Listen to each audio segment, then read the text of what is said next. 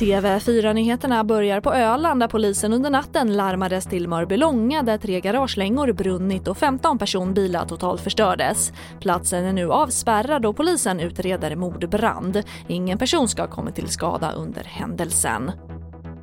Och sen till USA där Kalifornien nu stänger ned på bred front efter att antalet coronasmittade ökat kraftigt. Delstaten som är USAs folkrikaste öppnade upp för en dryg månad sen efter att ha infört hårda restriktioner i början av mars. Men tvingas nu dra i handbromsen och stänga inomhusrestauranger, barer, biografer, djurparker och museer i hela delstaten.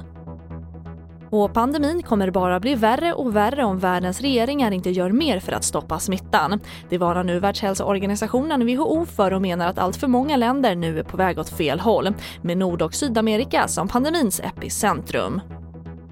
Och här hemma har tågens punktlighet under det första halvåret varit den bästa på sju år enligt Trafikverket. Nästan 94% av persontågen kom i tid mellan januari och juni och ska till viss del bero på den kraftigt minskade tågtrafiken i pandemins spår. Och det var det senaste med TV4 Nyheterna. Jag heter Charlotte Hemgren.